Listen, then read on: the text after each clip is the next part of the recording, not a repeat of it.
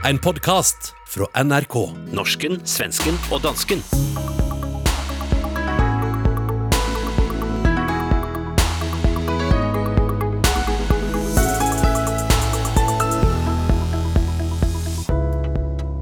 Bør medlemskap i rasistiske organisationer være ulovlig? Retssaken med KD-leder Ebba Busch ruller i gang denne uken, og en dansk tabu-filosof har rejst verden rundt på jagt efter at få corona.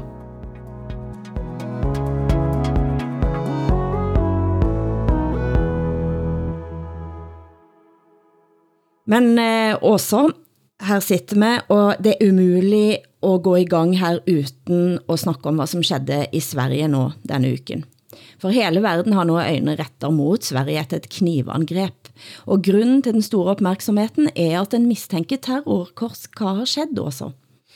Ja, det är i Vetlanda som ligger i Småland, en liten stad eh, där en man med kniv har attackerat människor och åtta är skadade och två har livshotande, eller tre har livshotande skador. Eh, just nu när vi spelar in det här programmet. Det är naturligtvis alldeles förfärligt, men det säger också någonting om att det här blev en världsnyhet. Det skulle det kanske inte ha blivit före pandemin, utan det är ungefär att vi blir mm. lite påminda om hur det kunde vara innan pandemin lamslog oss. Till och med eh, terrorismen lamslogs för mm. en stund. Man misstänker det här som ett terrorbrott, det vet jag ju inte, eller vi vet ju inte det än, men det är vad man misstänker. Då. Och jag ska också säga att gärningsmannen är gripen. Gärningsmannen är alltså mm. Död, utan det här är en person som man kan prata med, och det är ju oerhört intressant och skönt. Og dansken er optaget af dette, Hassan. Ja, men, men jeg bemærker jo også, at det er, altså, det er jo øh, selvfølgelig med, med, hvad kan man sige, sådan en broderfolks øh, empati, øh, at man... Øh, at man kommer til udtryk nu, men det er jo også med sådan lidt, øh, hvad kan man sige, en trækken på skuldrene. Altså, når ja, så skete det igen. Ikke? Og det er, jo, det er jo fortvivlende, at vi ligesom får det forhold til terrorisme, at det nærmest bliver hverdagsterrorisme. Ikke? Det er sådan, vi forholder os til det. Det er, okay, der var en del mennesker, der, der døde i Sverige af knivstikkeri. Det var med stor sandsynlighed en terrorhandling. Nå ja. Øh, og, og det, altså, jeg siger det jo ikke, fordi jeg er stolt over, at det er sådan, man eller jeg reagerer.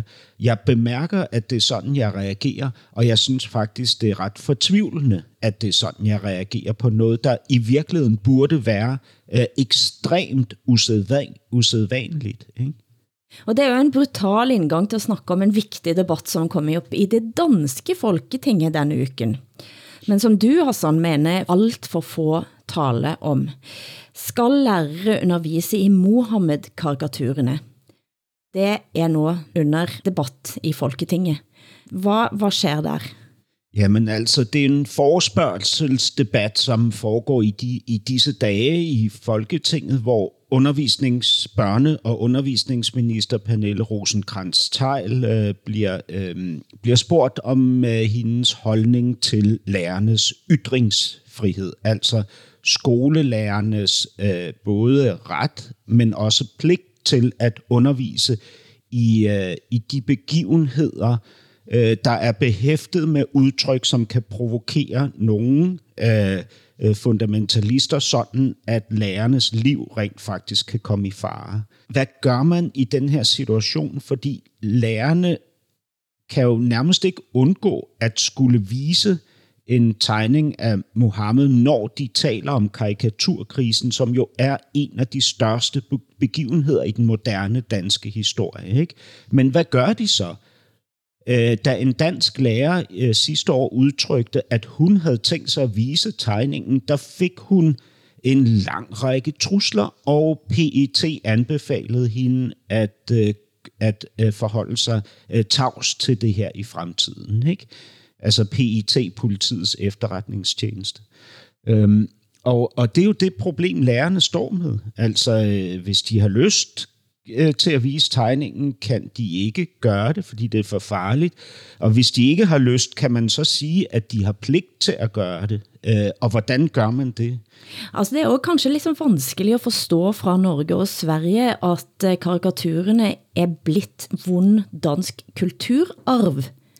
Ja, men altså, det, altså vi har jo talt om det her før, ikke? Øh, øh hvordan skulle man kunne gå uden om det her, når man underviser i moderne dansk historie? Det har jo været den største krise, der har øh, ramt det her land ja, siden, jeg ved ikke hvornår, altså i rigtig, rigtig mange år. Ikke? Og så kan man ikke engang vise, øh, hvad kan man sige, det illustrative fundament for den her krise. Det er jo en absurditet i sig selv. Ikke? Og, og det er jo så det, som nogle debattører øhm, kalder voldsmandens veto. Ikke? Fordi det er jo voldsmanden, der bestemmer, at karikaturerne ikke kan vises af lærerne i øh, undervisningstimerne. Øh, og det, det er jo vildt. Altså, det er jo bare vildt. Ikke? Altså, det er det jo. Jag tror det är ganska svårt att vara lärare idag. Dels är man rädd för att man eh, måste undervisa på ett innehåll som är explosivt. Eh, mm, och sen så är det... Lärare har inte samma auktoritet som förr heller. Och jag tror det är ganska svårt att vara lärare. Jag är glad att jag inte har det där jobbet faktiskt. Det är, mm. Man är också pressad av föräldrar som ställer krav. Och man är pressad av en massa olika håll faktiskt. Og så på dette da, Mohammed-karikatyrene. Ja, jeg tænker jo også, at en, det er noget med, eh, hvor berett er man som lærer ifra uddannelsen til at ta denne typen principielle spørgsmål. Jeg fulgte ganske mange av samtalene inne på en eh, Facebook-gruppe i Norge, lærer-Facebook-gruppe eh, rundt eh, drap av Samuel Paty i, i Frankrike, og det slog mig, at det var väldigt få som hade en principiell argumentation runt vad yttringsfrihet är i det hela tatt. Nej men det kan jag förstå därför att jag, jag menar ju att man måste få olika uppfattningar om yttrandefriheten. Bara för att vi här hela tiden sitter och pratar om yttrandefrihet så betyder ju faktiskt inte det att alla tycker att det är ett absolut värde. Och det är ju fler och fler så kallade demokrater som tycker att yttrandefriheten är ett, alltså är ett problem. Eh, därför att yttrandefriheten hotar demokratin. Ett cirkelresonemang eh, liksom, resonemang hela tiden.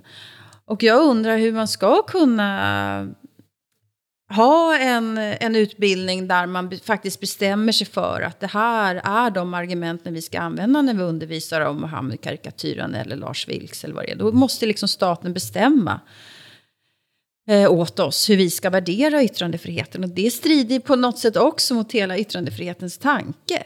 Det måste ju finnas liksom möjligheter också för en lärare på något sätt att liksom, eh, gå in med sig själv. Och det är väl det som är det problematiska. Att egentligen ska det inte göra det, men det måste man göra tror jag. När, när I sådana här frågor måste man kunna liksom lägga in egna funderingar också. Altså, som jeg har forstået det, så står vi jo det sted, hvor du som underviser jo sådan set godt kan mene, at det her øh, med de her øh, Mohammed-tegninger øh, ikke hører under ytringsfriheden. Det er en fornærmelse.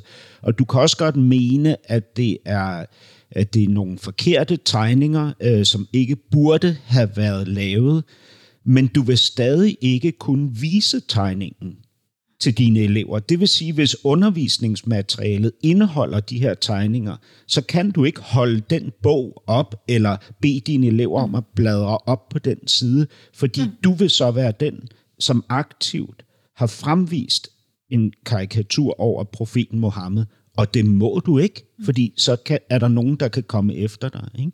Og det, mm. altså, det er jo det, der er... Det, altså, det er jo uanset din holdning til det her i øvrigt, så kan du ikke gøre det. Nej, men det är alldeles fruktansvärt. Och jag tänker ju också att det är just i skolan som man måste få lära sig vad yttrandefrihet är.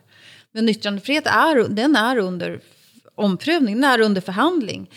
Eh, och eh, menar, det är det vi reagerar på här hela tiden. Att man, är, att man hotar, som vi tycker, hotar yttrandefriheten. Medan andra menar att yttrandefriheten hotar demokratin.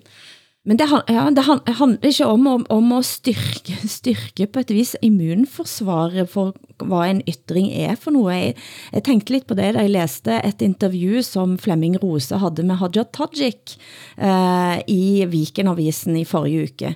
Ja, Haja Tajik her blir, blir eh, beskrevet som eh, det bedste bud på en nordisk muslim, som har en reell chance for en toppost i en kommende regering. Eh, Hadja Tajik er, er altså næstleder i Norske Arbeiderpartiet. Eh, og hun har skrevet en bok, eh, og der refererer hun til et møte, som hun havde, altså med Salman Rushdie. Eh, hun var 21 år.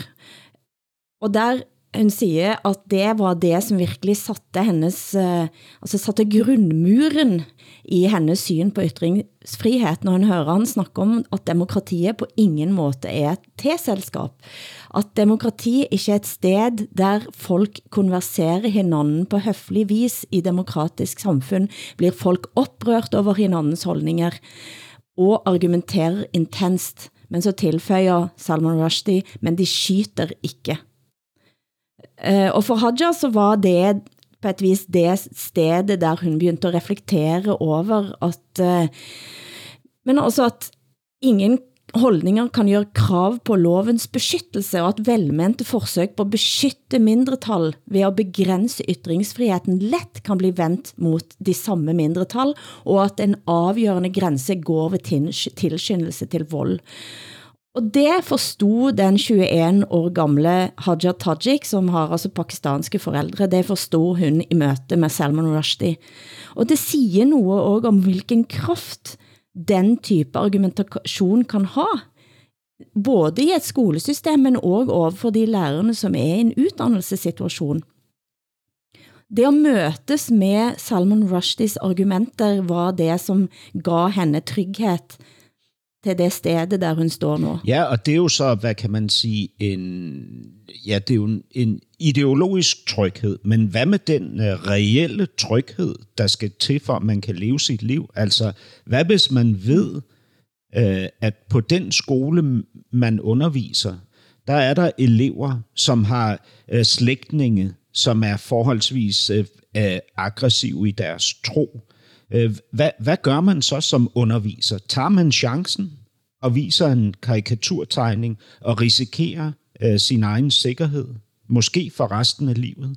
Eller lader man være? Ikke? Øh, og der vil jeg sige, det kræver altså en helt speciel støbning at skulle træde ind i den verden. Ikke?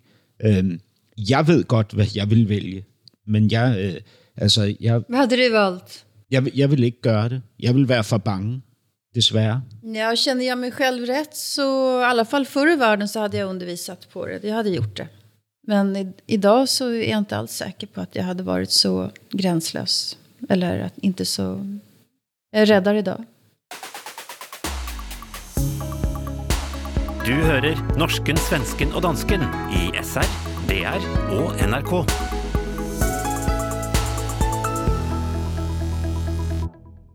Men det gik så fort sist, at det var først etterpå, at vi begyndte at lure. Sa Åsa virkelig begravningsentreprenør? Heter det sån på svensk Ja, också? det heter det på svenska. Faktum är att när jag, när jag pratar om begravningsentreprenör här eh, i våran podd så kände jag själv vilket konstigt ord det här är när jag ska försöka säga, säga vad det heter på svenska. Jag var tvungen att slå upp det. Eh, Svenska Akademin har en app nämligen som är, den är helt amazing. Och där slog jag in begravningsentreprenör och det ordet registrerades första gången i svensk text 1871. Och det är ju jätte speciellt ord verkligen för att en entreprenör är en sån som lite, så här, lite smart eh, är, s- ja, försöker tjäna pengar på Jamen altså, i for, for, for mig, Åsa, så er det her jo så svensk, som det overhovedet kan være. Ikke? Og jeg- jeg vil have gættet på, at det var sådan et velfærdsord, altså fra 60-tallet eller Nej, men det är ett 70-tallet. kapitalismord.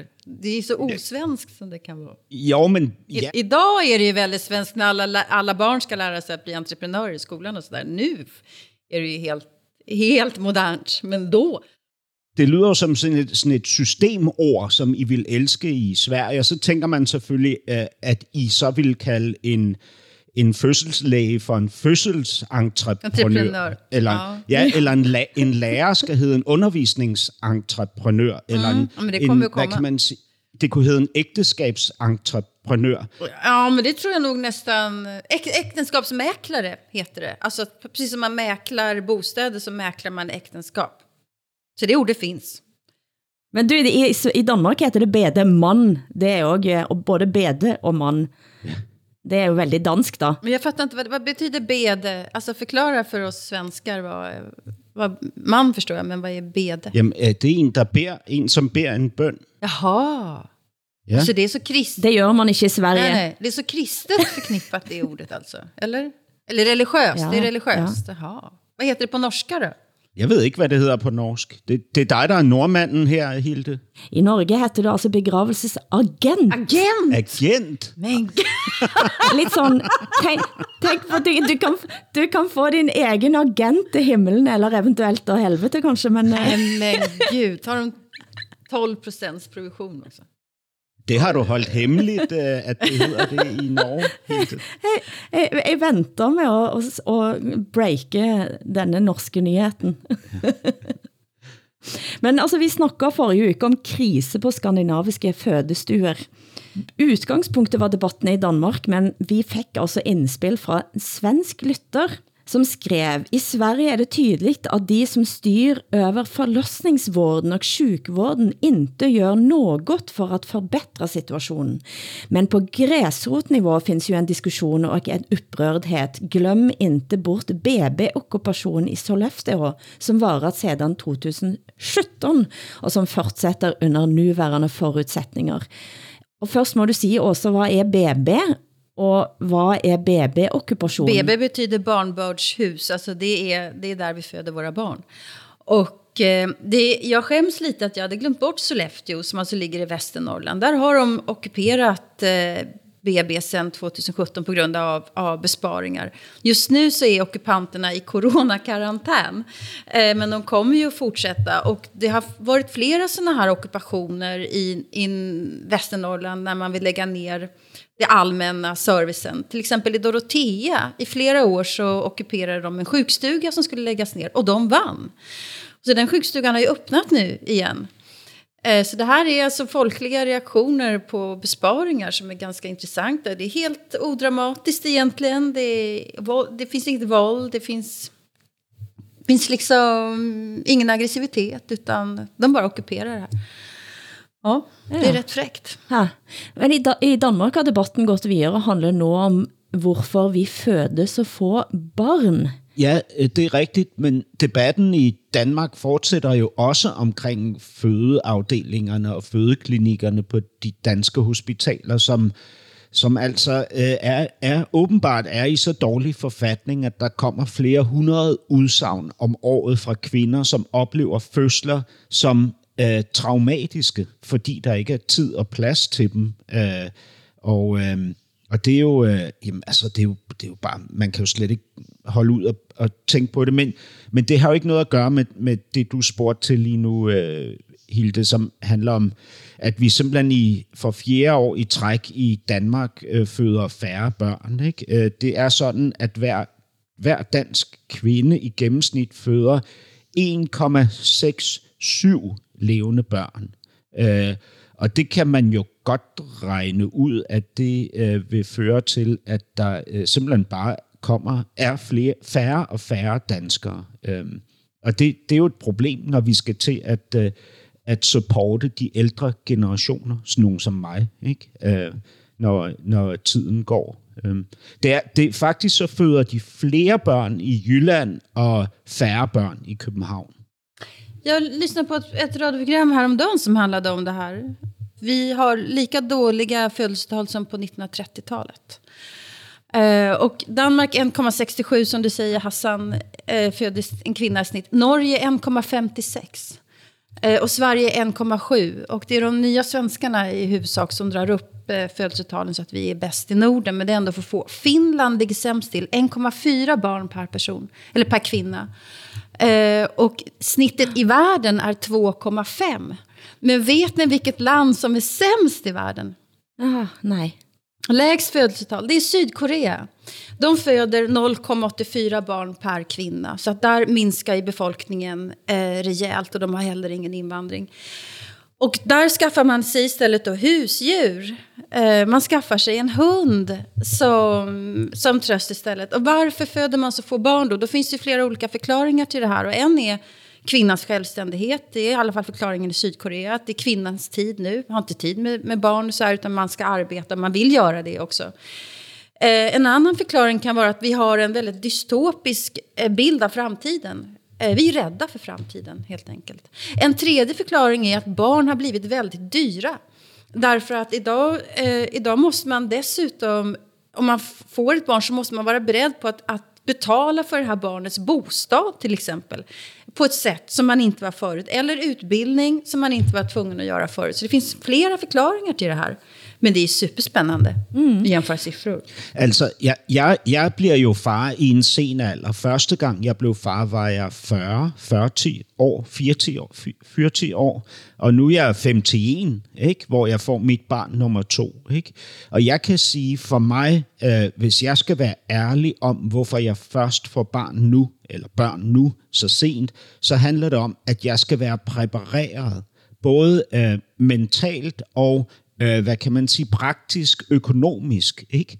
Så jeg vil aldrig få et barn, som mine forældre, mine bedsteforældre fik et barn, ind i en eller anden tilfældig, øh, et eller andet tilfældigt sted, man er i livet under uddannelse eller noget. Altså, jeg skal være afklaret, have gået til psykolog i 10 år, jeg skal have en stor lejlighed øh, og penge nok til at kunne sende mit barn på privatskole. Ikke? Og du er mand, så du kan jo vente til du er 51. Bortset fra, at, at, den vestlige, at den vestlige sædkvalitet jo også er altså, i, i en frygtelig forfatning. Altså måske er den de, altså, sædkvaliteten i en dårligere forfatning end fødeafdelingerne. Men det, altså det, det er jo noget der du siger med, at man skal være avklart, og, og også kvindens tid er nå, og at det er dyrt at have barn. Og den norske forfatteren Agnes Ravatten skrev om det i Aftenposten nylig. Eh, og hun lægger også til et andet poeng, nemlig at eh, distriktene avfolkes. Altså det er et eh, demografiutvalg som blev nedsat, og tiltak blev foreslået for at lokke av byfolk til distriktene. Og det indstillingen blev lagt frem da i december i fjor, i 2020.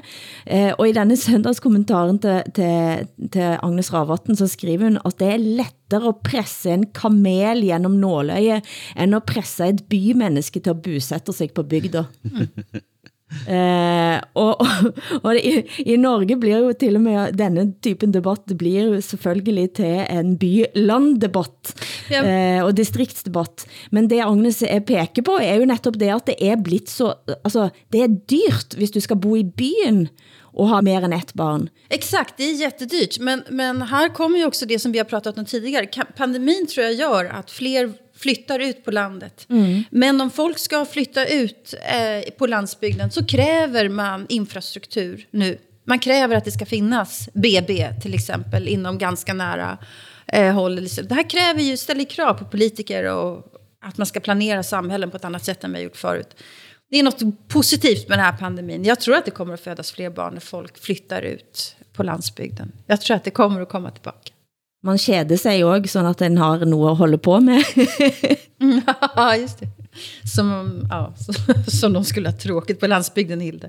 Men altså, det, prøv at høre, det er jo vigtigt, at vi kommer i gang, og nu taler jeg ikke specifikt til øh, jer to, Åsa og Hilde, men, men altså, prøv at høre, det, ja, det går jo ikke. Altså, det går jo ikke, at vi har en befolkningsreduktion, som vi har. Altså, det, det, det er jo katastrofalt på alle områder, altså kulturelt, økonomisk, øh, hvad som helst. Ikke? Altså, så jeg, jeg, altså, hvis jeg har nogen som helst effekt, så vil jeg da helt klart opfordre folk til at få nogle børn. Altså, lad os, øh, altså det er jo kun... Hør på podden og få børn. Ja, men det er jo, det er jo kun befolkningen, der kan, der kan gøre op med det her. Ikke? Det er jo ikke et, vi kan jo ikke foretage politiske indgreb.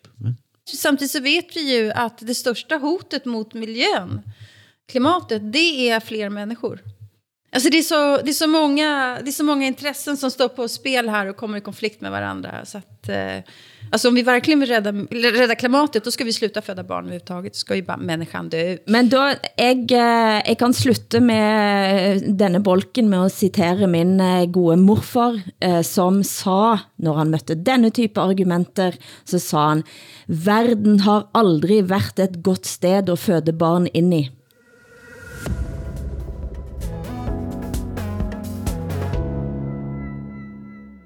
Den civile retssaken mellem KD-leder Ebba Busch Thor og den 81 år gamle Esbjørn begyndte denne uken. Satireprogrammet Svenska Nyheter, en slags svensk version av Last Week Tonight med John Oliver, lager forrige uke et indslag der de præsenterede konflikten mellem Ebba og Esbjørn som en boksekamp. På tisdag, tidernas match. Fight live från Uppsala tingsrätt. I ena hörnan, dödsmaskinen från Livets Ord, Ebba Profeten Busch. I den andra, veteranen från Dackefejden, Esbjörn Virpitten Bolin. En gränslös man med ett instabilt psyke som tappade totalt i varje fight. Ja, någonting måste du ha slagit om i skallen på mig på något vis. Och fulspelet vet inga gränser. Man ska försöka smutskasta mig i media i syfte att få mig att avstå ifrån det här. Men hon ger sig aldrig. Det är en formulering i ett långt inlägg på Facebook som lett till att Ebba Busch idag polisanmäls för grovt förtal. En kvinna som riskerar att trilla ur riksdagen. En man som riskerar att trilla av pinn. En är för dumdristig för att backa ur fighten. En är för gammal för att backa med bilen. Uppsala, gör er redo.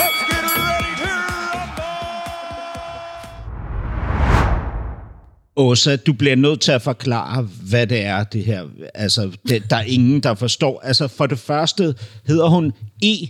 Babush. Ja, hon heter Ebba Busch. Ja. Och hon eh, är kristdemokrat. Eh, och hon har, gjorde ett rekordval Eh, för Kristdemokraterna senast. Det har legat väldigt, väldigt bra till opinionen. Men sen så nu sjunker Kristdemokraterna som en sten. Och en del vill ju tro att det har att göra med, det hjälper till naturligtvis, det här husköpet från Esbjörn, 81 år gammal. De menar att hon försöker lura av honom ett hus, att han är gammal och inte vet vad han gör. Siffrorna började dala när Kristdemokraterna började slira i frågan om abort faktiskt. Men huset hjälper till. Och det är märkliga här alltså att vi har en partiledare som, som är i två rättssaker samtidigt. Det ena är husköpet och det andra är att hon anklagas då för grovt förtal av en av de här inblandade. Ja, hon har en massivt mediamotstånd ska jag säga emot sig. Alltså vad alla medier är emot Ebba Busch och försöker göra en grej av att hon har lurat av gubben det här huset. Jag har försökt följa det här så gott jag kan. Jag tror inte att hon har gjort något fel rent juridiskt med det här huset. Och jag är lite imponerad över att hon står på sig. Att hon inte säger nej, nej, men jag drar mig tillbaka här därför att det här skadar både mig och mitt parti. Utan hon menar att hon har gjort rätt. Det är väldigt, väldigt ovanligt att politiker gör det. Det, är så, det vanliga är att politiker avgår för saker som sen har visat sig faktiskt att de inte hade gjort fel. Så jag, jag håller lite på Ebba här faktiskt. Jag tycker det är modigt av henne. Är det. Vi är inte så många som tycker det, men, men jag gör verkligen det.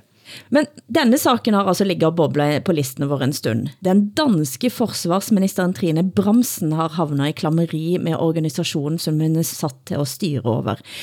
Hassan, er det muligt at give et raskt omriss av hvor denne saken starter og hvor den står nu? Ja, altså, øh, og det er ikke helt nemt at give et, et raskt referat, men altså, øh, I ved jo, at der har været en del skandaler i det danske forsvar, og det har jo givet den øh, siddende forsvarsminister Trine Bremsen en helt ny mulighed for ligesom at lægge forsvaret i det, som nogen kalder et jerngreb, altså at, at have fuld kontrol med forsvaret. Øh, og det er jo blandt andet sådan, at den nye forsvarschef nu har fået en anden titel ifølge øh, forsvarsministeren. Han er en styrelseschef frem for en forsvarschef. Ikke? Og det siger jo noget om, hvor hun ligesom forsøger at lægge forsvaret hen, og det er jo ind under sit eget domæne i langt højere grad. Ikke? Og, og måden hun gør det på, det er ved at have fuld kontrol med, hvilke historier, der kommer ud fra øh, Øh, forsvaret. Så det vil sige, at de forskellige kommandoer skal før de lægger et opslag op på Facebook for eksempel, have det godkendt af Forsvarsministeriet. Ingen nyhed er for lille for den siddende øh, forsvarsminister. Øh, og hun er i øvrigt også udvandret fra interviews, hvor, øh, hvor den nye forsvarschef fik, ifølge hende, fik for stor opmærksomhed af af journalisten fra Ritzau. Øh, det, det forstyrrede hende så meget, at hun rejste sig op og gik. Ikke? Øh, så, så man kan simpelthen se øh, en, altså en ret direkte konflikt efterhånden udspille sig mellem forsvaret og forsvarsministeren. Men Trine Bramsen siger jo selv til Dansk TV2, jeg kan ikke genkende, at der er dårlig stemning. Ja, øhm, men, men sådan er det vel for den, der har taget magten. Altså, øh, mm. det, det vil jeg i hvert fald også øh, sige i forhold til mine tidligere parforhold, øh, når jeg fik at vide, at, øh, at øh, jeg var for dominerende, kontrollerende og styrende, og at narrativet havde jeg den fulde magt over, så sagde jeg altid, jeg kan ikke genkende den dårlige stemning. En, øh, en kritik, som de må rejse, øh, når vi øh, har de her mange møder og løbende drøftelser, og så lytter jeg gerne på det. Men, men jeg vil sige, at jeg oplever, og også efter at have været tilbage i ministeriet og forsvaret og drøftet det her, jeg oplever, at der er et rigtig godt samarbejde, og derfor kan jeg ikke genkende, at der skulle være dårlig stemning. Men nå er det tid for et identitetspolitisk kvarter. Til danske og svenske lyttere så kan jeg sige, at politisk kvarter går hver morgen på norske TV P2 og har gjort det snart i en mandsalder siden eh, vi blev født, eh, 1968. Her i norsken, svensken og dansken så snakker vi så mye om identitetspolitik om dagen, at vi vurderer at indstifte en ny fast spalte, en identitetspolitisk kvarter. For det er altså mye at ta fatt i, og denne uken skal vi begynde i Sverige også. Det er et forslag om at forby deltagelse i rasistiske organisationer – det venter at bli resultatet når en komité som arbejder med spørgsmålet snart præsenterer sitt resultat. Hvordan ser det ut i den politiska debatten? Ja, det finns ingen diskussion om det här överhuvudtaget. Det jag tycker är intressant det är att det är tre partier som, som är emot ett organisationsförbud av rasistiska organisationer. Den ena är Liberalerna, och det andra är Vänsterpartiet, som alltså är ett socialistiskt parti. Och det tredje är Sverigedemokraterna. De tre är emot och alla andra vill förbjuda eh, rasist, eh, rasist, så kallade rasistiska organisationer. Och jag säger så kallade helt enkelt därför att det måste ju vara någon som bestämmer mm. vem som är rasist. Eh, och redan där så får vi ju liksom ett demokratiskt problem. Eh, organisationsfrihet. Är det någon så är det förslag på det? För det, det lurte jag ju på. Vad, är, vad tänken på som rasistisk organisation? Ja, det, det, än så länge så har jag i alla fall inte sett några liksom, kriterier för vad som är en rasistisk organisation. Men väldigt länge så sa man ju att Sverigedemokraterna är en rasistisk organisation. Och, och det, det, finns ju många rasister liksom, företrädda i det partiet. Det är inget snack. Eh, det finns fördomar överallt också för övrigt om jag ska vara schysst mot dem. Men Eh, ett exempel på att man för några år sedan var rasistisk organisation i Sverige, det var att man inte ville ha, ha fri invandring till exempel. Nu finns det inga partier som vill ha fri invandring. Mm.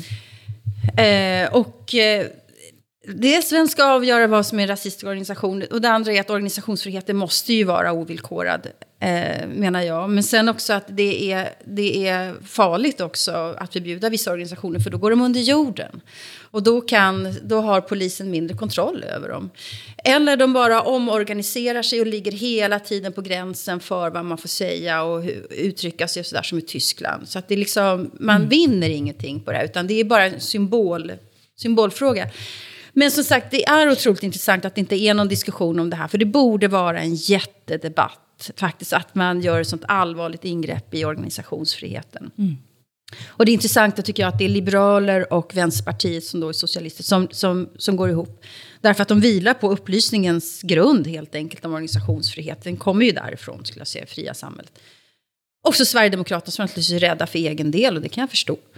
Det, det der frustrerer mig lige nu, det er, at når vi så ser en protest, altså nogen, der rejser sig op imod det her, ikke, så er det i 99 procent af tilfældene, 99 procent af tilfældene, så er protesten en protest, der kommer fra højrefløjen. Ikke? Så er det de liberale eller de nationalkonservative, de går endda sammen nu, ikke? Og, og prøver at danne en fælles front mod, mod noget af det, der bliver dikteret på nogle af de studier, der er på Københavns Universitet, for eksempel. Ikke? De der det, øh, altså det der, som virker så gakket det hele. Ikke? Men hvor er venstrefløjen henne i det her? Altså, hvor er venstrefløjens kamp for, for øh, altså tankefrihed og ytringsfrihed og meningsfrihed, for pluraliteten, altså pluralismen. Hvorfor er der ikke en større kærlighed til det pluralistiske ude på venstrefløjen? Det forstår jeg simpelthen Men, ikke. Det var jo interessant med at Venstre er et av de partierne som er mot dette forbudet også. Venstrepartiet, ja. Mm. Uh, og Venstrepartiet er jo rødt i Norge, mm. uh, kan man si. Tilsvarer cirka, ja. Mm. Uh, men det er jo et poeng, det Hassan siger der, at uh, man blir altså, hvis man går op i en del av disse diskussioner her, så blir man umiddelbart stempler med en højre side. Mm.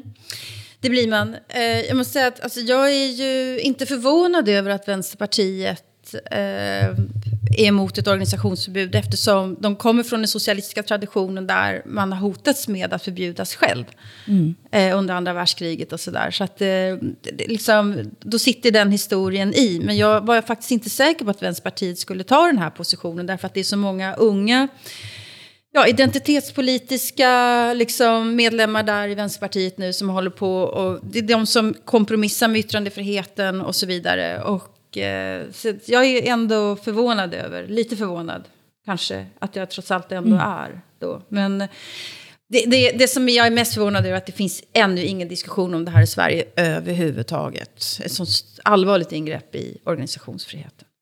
Nej, for det er jo en tilsvarende sak i forskningen i Sverige i øjeblikket. En diskussion eh, rundt eh, om det skal komme en forskningsforskrift, der altså den frie forskningen skal vilkåres med värdegrund. Det må du forklare også. Hvad betyder det egentlig? Ja, det här är också ett av de största ingreppen i eh, det fria tänkandet som har lagts fram på väldigt, väldigt, väldigt många år i Sverige. Och det är alltså att, att forskningen ska vila på en värdegrund. Och det, det, den, vad, vad den värdegrunden går ut på vet jag inte riktigt, men jag utgår ifrån att det är alla människors lika värde och demokrati och så vidare. Eh, och alla vi som kommer från forskarvärlden vet ju då att eh, det redan är en liksom, våt filt, kan man säga, över... eh, vad man, kan, vad man kan forska om, vad man kan få anslag för. Och nu kommer ytterligare då eh, en begränsning här där man alltså inte kan ställa vilka frågor man vill förutsättningslöst. Man kan heller inte komma fram med vilka resultat man vill förutsättningslöst därför att det finns en, en ideologisk sensor som sätter, som sätter hinder för det här. Eh, och, eh, och det här blir så konstigt. Eh, samtidigt som man pratar om att forskningen ska vara fri, ska också tanken vara fri. I Storbritannien går de ju åt andra hållet. Där, där vill Boris Johnson nu eh, liksom begränsa annan sorts alltså identitetspolitisk forskning, postkolonial forskning som han tycker är fel. Det är lika dumt ju. Eh, forskning, ska forskningen vara fri så kan man inte, hålla på, kan man inte ha politiker som liksom talar om vilka gränser, inom vilka gränser och ramar som man, får, eh, som man får forska. Men det är då fan vad folk vill hålla på och lägga sig i kan jag säga. Eh, de vetenskapelige studierna just nu. Ja, og det er jo, øh, det er jo en god pointe, ikke? Fordi det, altså, hvis det her alene er en magtkamp, altså hvis det alene handler om, hvem der har retten til at definere, hvad der må forskes i, og hvad der ikke må forskes i, så siger jeg pas, ikke? Det er for stupidt. Altså, det er jo ikke det, som vi ligesom i i øh, hundredvis af år har kæmpet for at nå frem til. Det vi har kæmpet for at nå frem til, det er en kærlighed til pluralismen. Ikke? Og derfor bliver vi jo nødt til at acceptere, at de her forskellige holdninger er gode. Ikke? Og at regulering af andre menneskers tanker og synspunkter og meninger er dårlige. Ikke? Altså, det er ikke godt. Det er forkert. Og jeg forstår ikke, at de her øhm, mennesker, som opfatter sig selv som progressiv, ikke kan se, hvor fucking reaktionært det er. Altså at, at forsøge at regulere andre mennesker. Mm. Dels är det reaktionärt, men sen så är det också så antiintellektuellt och ohistoriskt. Jag menar, om vi vet någonting om, om historien så vet vi att den som för 500 år som liksom påstod att jorden var rund eh, eh, och att inte jorden var, var eh, universums mitt blev jag av med huvudet. Eh, och för, för att det, stred, det påståendet stred mot den tidens värderingar. Så är jag helt chockerad faktiskt över att Sverige går... Att, att, att, inte att det är Sverige som går åt det här hållet, det, det kunde man ju räkna ut. Men, men ändå att det fortfarande får hålla på på det här viset. Jag tänker så att identitetspolitiken, nu är det, varje gång tänker jag så men nu är det över. Det här var väl droppen, det här var sista gången. Och så, så kommer något nytt och något nytt och något nytt. Liksom, hela tiden. Mm. Eh, det norske døveteateret, Teater Manu, får kritik for at have ansat en hørende teaterchef. Altså, det er flere døve, som er sinte efter at teateret har ansat en chef, som selv ikke er døv. Frem til nå har de alltid haft en teaterchef, som selv er døv og snakker tegnspråk. Og man kan høre her fra Nyhetsmorgen på P2 denne uken. Mange i døvemiljøet er derfor oprørte Blant de er dette Emilie Hatlelid, som sjøl er døv. Hun forteller via mannen sin Ståle, som fungerer som tolk, som også er hørselshemma. Vi må jo hele tiden rette oss etter majoriteten som er hørende. Se på det eh, samme prinsippet hvor Sametinget skulle plutselig ansette en Oslo-mann som ikke har noe kjennskap til den samiske kulturen eller språket, og han blir ansatt som president i Sametinget. Hvordan hadde samene tatt det? Det er akkurat slik vi føler det. Her sammenlignes det at få en hørende teaterchef med at Sametinget skulle få en Oslomann som Sametingspræsident. Men styrelederen argumenterer med teaterfaglig bakgrund. Og sådan som teatermand, hvad tænker du? Jamen, øh, ikke kun som teatermand, altså som, som menneske, øh, så, så kan jeg simpelthen ikke tænke lige nu, fordi jeg, jeg, er, blevet, jeg er blevet så træt oven i mit hoved af, af at høre det her. Altså, ja, hvad, hvad er det, der sker? Altså prøv at, hvis vi fører det her ud i yderste konsekvens, ikke? så kan Romeo jo ikke spilles af nogen anden end Romeo. Altså, så bliver det en en-til-en verden. Ikke? Og prøv at høre, hele ideen med kunst er, at den forlænger vores empatier, ikke? At den bygger bro fra menneskesjæl til menneskesjæl. Ikke? Og jeg forstår ikke, at jeg overhovedet skal sidde og sige det her, ikke? Men, men det er jo det, der er ideen med kunsten. Ikke? Men hvis vi, hvis vi så bilder os ind, at, at det, det, er, det er en forkert mission, fordi det kan kunsten ikke gøre. Vi kan kun repræsentere os selv og dem, der minder fuldstændig om os. Ikke? Så er vi jo fortvivlende fortabte så er det jo slut, brudt, færdig. Så kan vi jo bare starte igen med stamme- og klankultur og borgerkrig. Ikke? Så er det jo bare forfra en gang til. Og det er det, der er så... Åh, jeg kan næsten ikke udtrykke, hvor gakket det er. Må jeg, må jeg ikke bare lige afslutningsvis sige i forhold til det her emne, at kritikken af de her miljøer, for eksempel teatermiljøet i Danmark, at det er for eksklusivt, og det er indsnævret, og at det ikke er åbent over for sine omgivelser. Den kritik er jeg fuldstændig enig i, ikke? at det er en konservativ branche, og der er holdningsensretning mm. og så videre. Jeg forstår kritikken, men lad os imødegå kritikken, ikke? og lad os lave bedre kunst, ikke? Mm. Øh, i stedet for det her pjat. Altså. Men, men det, er det, det er derfor jeg har lyst til bare at holde fast på det, og vi kan igen ind i denne identitetspolitiske kvarteret vårt, så synes jeg, at vi skal gjenta gang efter gang, at dette handler om for det handler om kærlighed, og det handler om empati. Det handler ikke om fordommer og, og, og skille oss, oss fra dem. Men det handler om at en insistering på, at jeg kan sitte her og leve mig ind i på samme måten som nogen kan sitte over for mig og leve sig ind i, hvem jeg er, uden at ha min erfaring som eh, gårdbruksjente fra en pittelite sted i Norge. Men tillbaka till den här äh, uh, teaterverksamheten. Det är som Hassan säger, alltså jag som själv då har via privatlivet haft inblick i teatervärlden, den är gräslig. Alltså det är, det är så explosivt som Hassan säger, så att det, man, hur man än gör så blir man fel. Och det är massa, massa divalater och primadonnor och, och, och, och tuppar överallt och sådär. Men När man skulle utse den här nya chefen, var det så att den chefen slog ut en massa döva andra som var kompetenta? Eller vet vi hur rekryteringen gick till? Nej, men det, det, det man vet i alla fall är att det är den första hørende teaterchefen eh, de har. Ja. Uh, som, som er jo bruddet, det er jo det som er bruddet. Ja, just det. Men altså, prøv at høre, det, det er jo, altså, det, det, ja, det, det, altså identitetspolitikken for mig, ikke? Når, når jeg skal beskrive den, så kan jeg ikke finde et mere præcist ord end uh, kærlighedsløs. Altså, jeg synes, identitetspolitikken politikken, især i sin ekstreme form, er meget kærlighedsløs og uambitiøs også. Menneskeligt uambitiøs. Norsken, svensken og dansken med Hilde Sandvik, Åsa Linderborg og Hassan Preisler.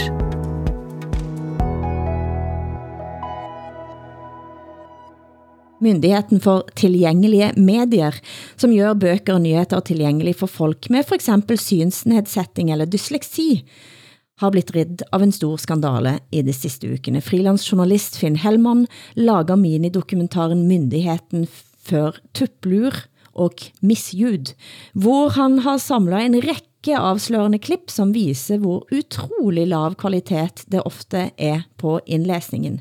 Man kan høre et utdrag fra dokuen her, hvor nogen brukere begrunder sin misnøje. Boken heter På fiendens mark. En ganska spännande bok då vill man att det bara ska fortsätta. Man vill ju inte bli avbruten av, som jag blev här då, av en telefonsignal där någon liksom ringer upp själva inläsaren. Polisen lägger ut fotanglar för att förhindra rånarna. Då säger han liksom, polisen lägger ut fotanglar! Det är bra böckers inläsning av Leffe GWs deckare. Men om han flyttat till Wyoming som ägare till ett handelsvapen som kunde tala med den federala polisen i Laramie, Wyoming. Alltså boken handlar om en person som lever i USA. Den utspelar sig i USA. Och att då inte veta att det heter Wyoming. Det säger Sofia Toresdotter som hittat sju Wyoming i boken Jagad av Joyce Carol Oates. Men vad är det som låter? Är det någon som sover? Ja, det är en inläsare som har somnat. Det händer på sidan 136 i Natt i Caracas av Karina Sainsburgo. Och sån fortsätter det alltså med det ena exemplet efter det andra. Jag är glad att, att det inte var min bok de läste när de somnade i alla fall. Det känns ju väldigt skönt. Er der ikke nogen redaktør på de her øh, projekter? Altså, er der ikke, det bliver det ikke, det bliver ikke lyttet igennem indlæseren, indlæser det, og så bliver det bare lagt ud. Er det sådan, det er? Det verkar så. Altså, det, dette minder jo lidt om dobbelt bestraffning. Da. Først så har du en funktionsnedsættelse, som gør, at du ikke kan læse. Og så oplever du, at myndigheten, som siger, de jobber for dig, så åbenbart bare ret og slett skit i at gøre en god jobb. Ja. Men jag, jag visste inte ens att vi hade någonting som hette Myndigheten för tillgängliga medier. Alltså, vi skämtar i Sverige om att vi har så många myndigheter, och det där var ju någon jag inte kände till. Men alltså, jag, jag, jag, alltså mine, mine meget kritiske ord i forhold til identitetspolitikken vil jeg gerne trække tilbage, fordi jeg mener faktisk, at man øh, må, må gøre det. Altså, den gruppe, der hedder vågne mennesker, skal indlæse bøger, ikke, ikke sovende mennesker.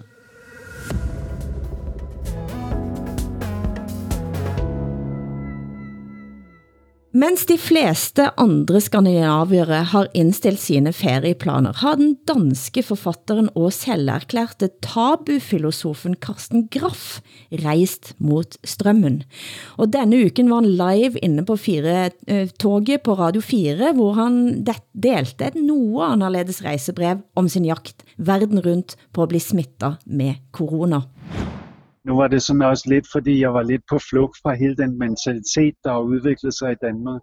Fra starten satte jeg mig ligesom for, at jeg gerne ville smittes, og, men det tog mig faktisk 11 måneder, hvor jeg måtte til Sverige, og hvor man jo lever meget, man kan sige, som vi gjorde før øh, det her cirkus startede. Mm. Jeg var i London, jeg rejste i undergrunden, jeg, jeg gjorde ligesom alt, hvad jeg kunne for at ja, gøre tingene modsat, hvad jeg havde fået at vide. Og øh, til sidst så besluttede jeg mig simpelthen for at trække, altså simpelthen at rejse ud og så tage til Brasilien, øh, hvor jeg er nu. Øh, vi, tog, vi var så en gruppe, der tog i swingerklub en aften, 50 mennesker, hvor der var ja, helt vild gang i den. Og da, 14 dage efter det var jeg stadig ikke smittet. Jeg tænkte, om så må jeg bare være en, øh, immun. Men nylig kunne også en strålende fornøjd forfatter erklære på Facebook, at han endelig havde været syg. Men Graf siger, han flygter fra den mentaliteten, som råder i Danmark om dagen. Kan du forstå det, Hassan? Øh, ja, det kan jeg måske godt. Altså, øh, Carsten Graf, er, han, han, han er en speciel figur i, i, den, i den danske offentlighed. Altså, han kalder sig selv tabufilosof. Øh, og, mm. og må ikke det, det, det er en forlængelse af det her filosofiske projekt, han er ude i nu, når han gør det, han gør, ved at tro. Øhm, det kan også handle om øh, opmærksomhedsiver, hvem ved. Men altså, jeg, jeg har ikke, øh, hvad hedder det, altså det, det jeg bemærker rundt omkring mig, det er, at flere og flere mennesker falder ned i et kaninhul af den ene eller den anden art. Ikke?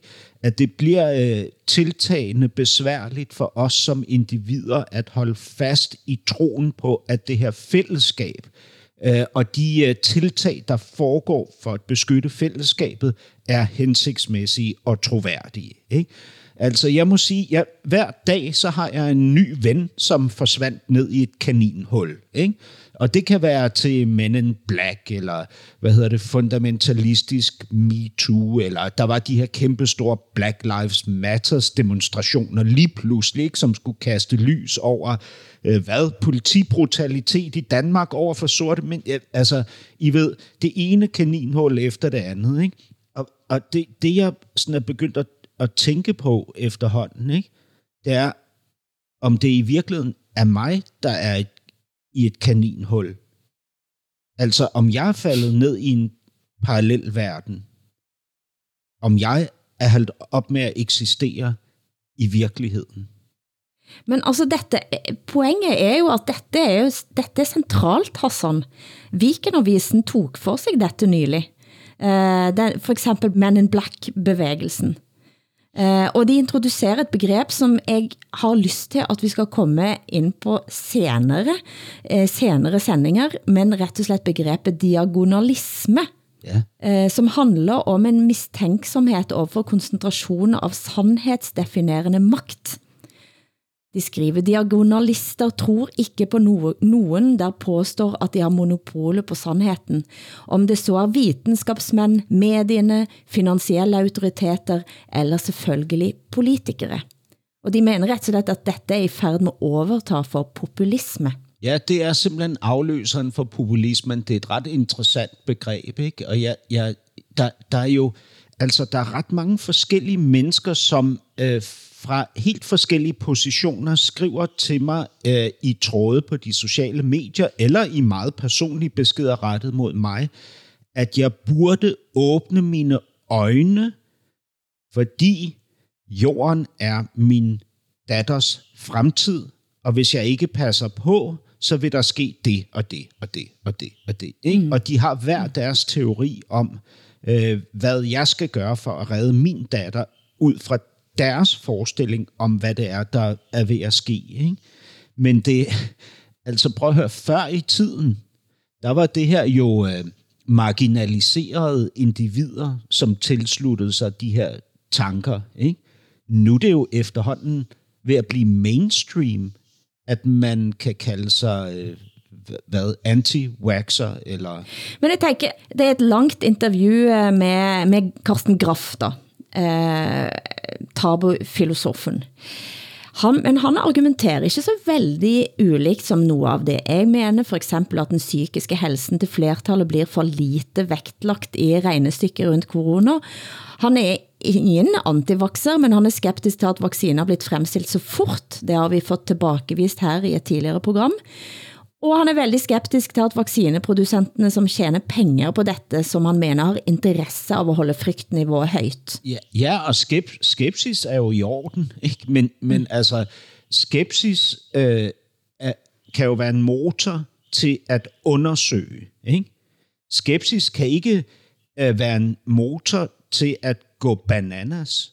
Altså, øh, skepsis må underbygges af viden, før man reagerer. Man kan ikke gå fra skepsis til reaktion. Altså, det, det er at shortcutte en helt almindelig, sund og fornuftig proces ikke, i min verden. Undskyld Åsa, jeg afbrød. Nej, jag, nej, jag vill bara säga, alltså, jag tror att eh, øh, diskussionen om pandemihelvetet, øh, den, den tror jag kommer att leva i många, många år. Jag tror, jag tror inte alls att det är avgjort om det var rätt, att det är rätt att man gör lockdown eller att man har mer pragmatisk linje som vi hade i Sverige och inte längre har. Eh, och jag, ett sunt, alltså kritiskt tänkande hela vägen, det, det, liksom, det blir så konstigt om man inte ska kunna få ha det bara för att det är någonting som, alltså för att folk är livrädda. Det är inte viktigare än någonsin då att några tänker kritiskt, eller?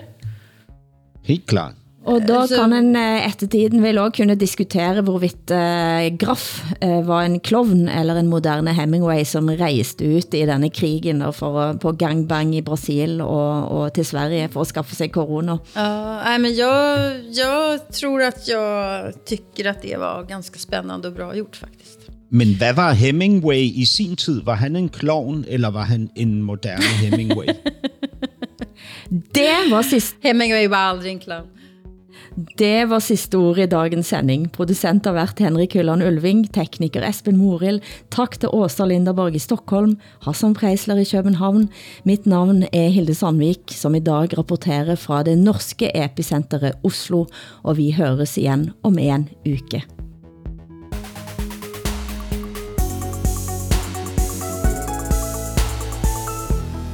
Du har hørt en podcast fra NRK. Du kan nå høre alle episoderne i denne serien i appen NRK Radio.